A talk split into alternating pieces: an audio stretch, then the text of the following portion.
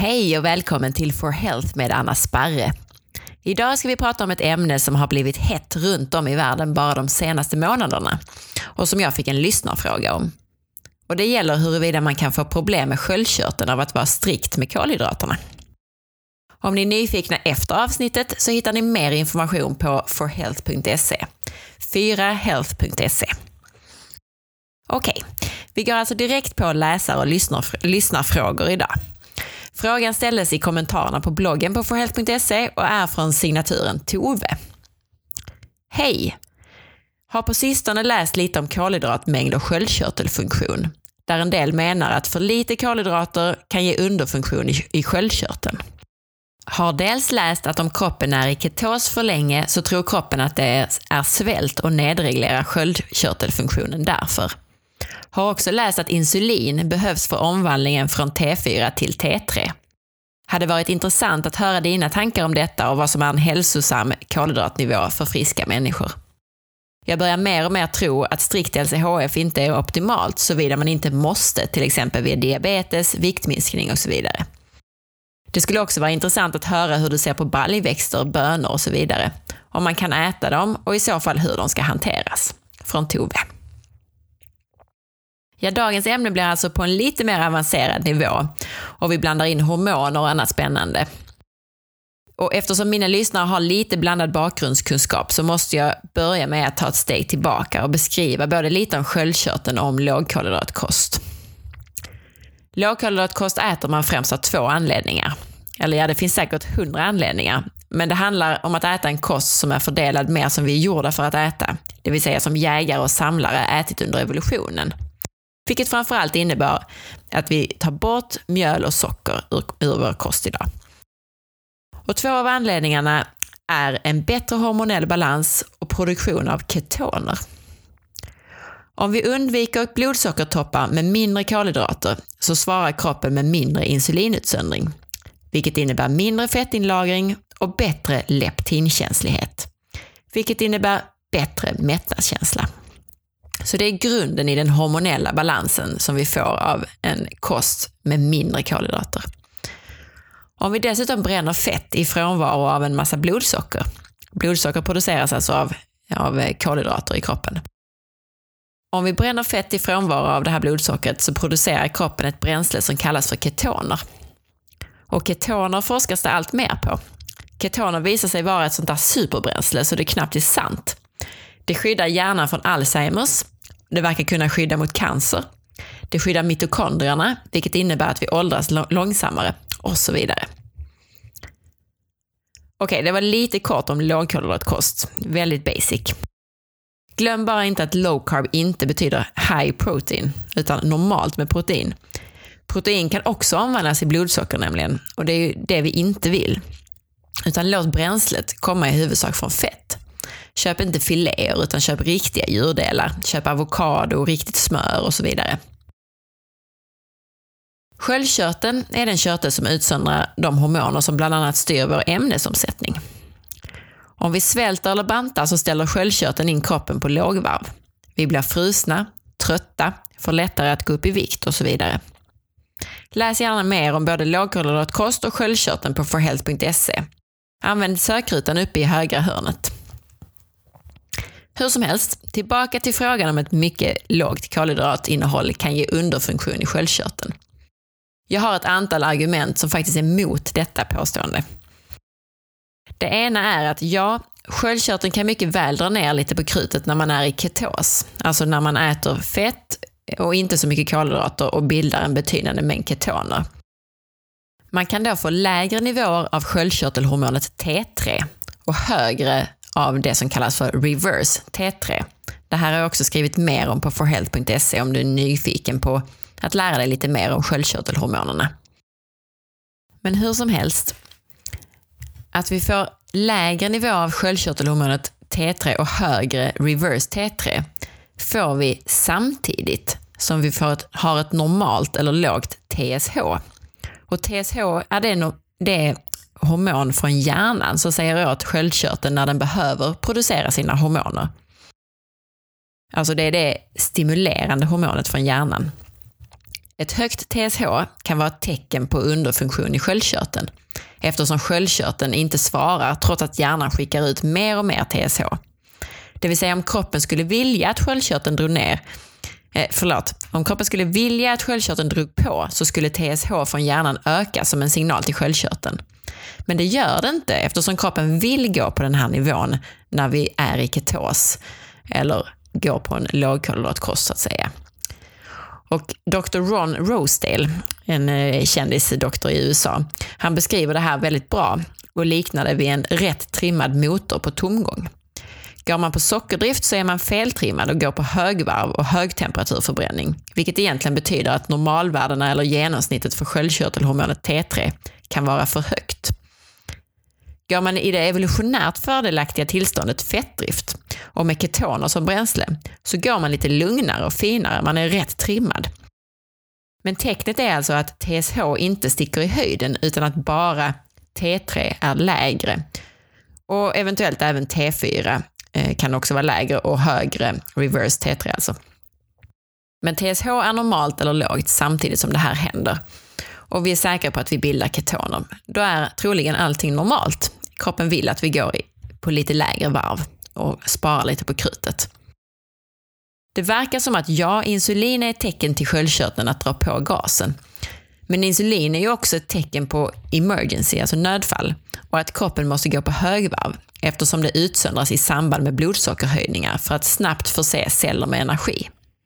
Det jag menar är alltså att blodsockertoppar under evolutionen kom framförallt i samband med stress, det vill säga när vi behövde fly eller jaga. Och då utsöndras insulin för att släppa in denna turboenergi som blodsocker faktiskt är i cellerna. Samtidigt blir då eh, insulinet en signal till sköldkörteln att dra på gasen, för nu är det nödsituation på G.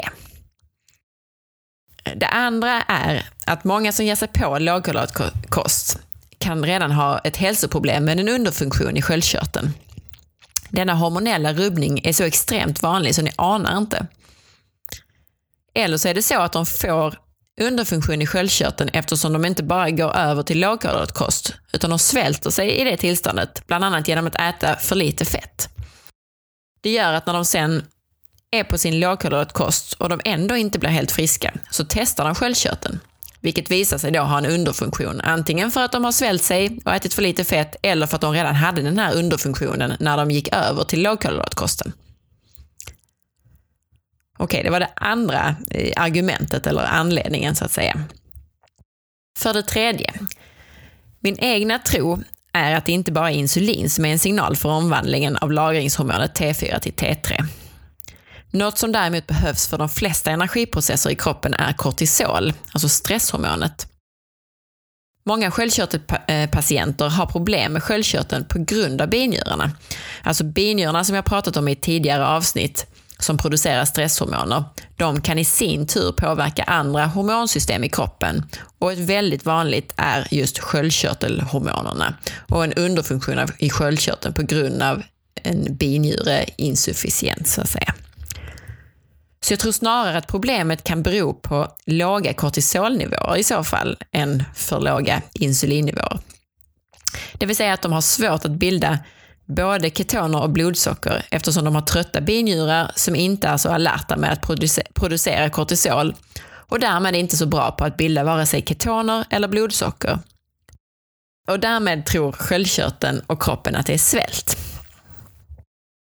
Och för det fjärde, ketos i sig behöver inte vara något svälttillstånd. Då hade alla inuiter, alltså traditionella, till exempel traditionella eskimåer, eh, då hade alla de haft nedreglerade sköldkörtlar.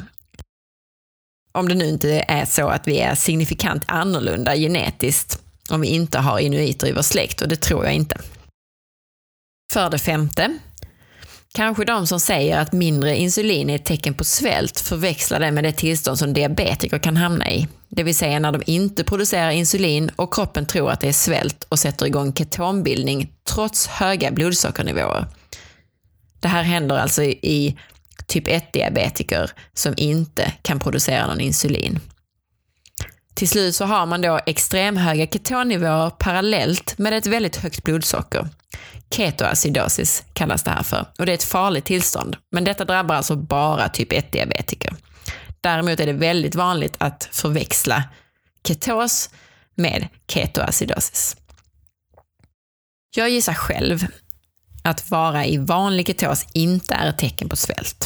Dels på grund av att det måste funnits både folk som och tidpunkter när vi var i ketos, trots tillräcklig energi under hela vår evolution. Och dels för att man mår bra under en ketos under längre tid. Man brukar vara ganska kass av svält. Och ytterligare ett argument är att ketos i allt fler studier visar sig hjälpa mot allt från diabetes till cancer, halsbränna och så vidare.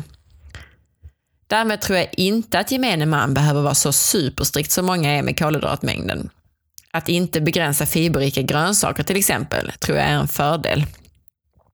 Low carb brukar definieras till upp över 100 gram kolhydrater per dag och moderate, eller mellan, brukar vara runt 150 till 200 gram. Och jag säger inte att ni måste gå hem och räkna, men, men det betyder egentligen att det är relativt liberalt och man kan absolut sticka till sig lite rotfrukter och sådär och inte behöva räkna grönsaker på samma sätt som en del som är superstrikta gör. Så många kan säkert ligga på en 80-100 gram kolhydrater per dag och ändå ha ketonbildning, kunna utnyttja fett, eh, fett som energi och må bra på alla sätt.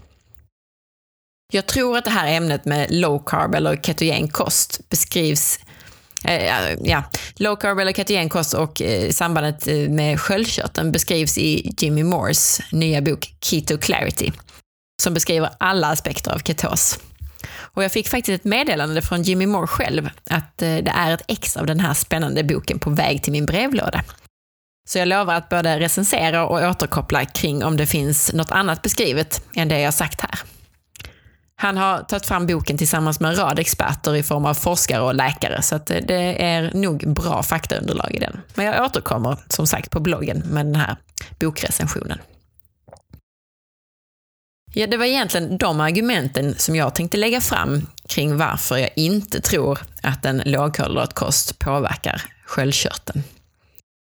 Men angående den sista frågan om bönor så tycker jag inte att bönor tillhör en evolutionär kost, eftersom vi inte kan äta dem som de är utan tillagning. Men jag tror inte heller att en frisk kropp utan autoimmunitet eller magproblem tar skada av en liten dos baljväxter ibland.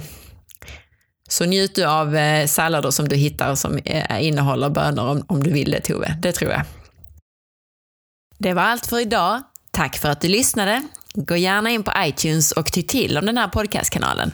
Det gör du genom att klicka på ikonen, det vill säga bilden på mig, och sedan välja betyg och recensioner. Där klickar du på stjärnorna. Klickar du längst till höger så markerar du alla fem stjärnor, det vill säga om du tyckte att det var bra.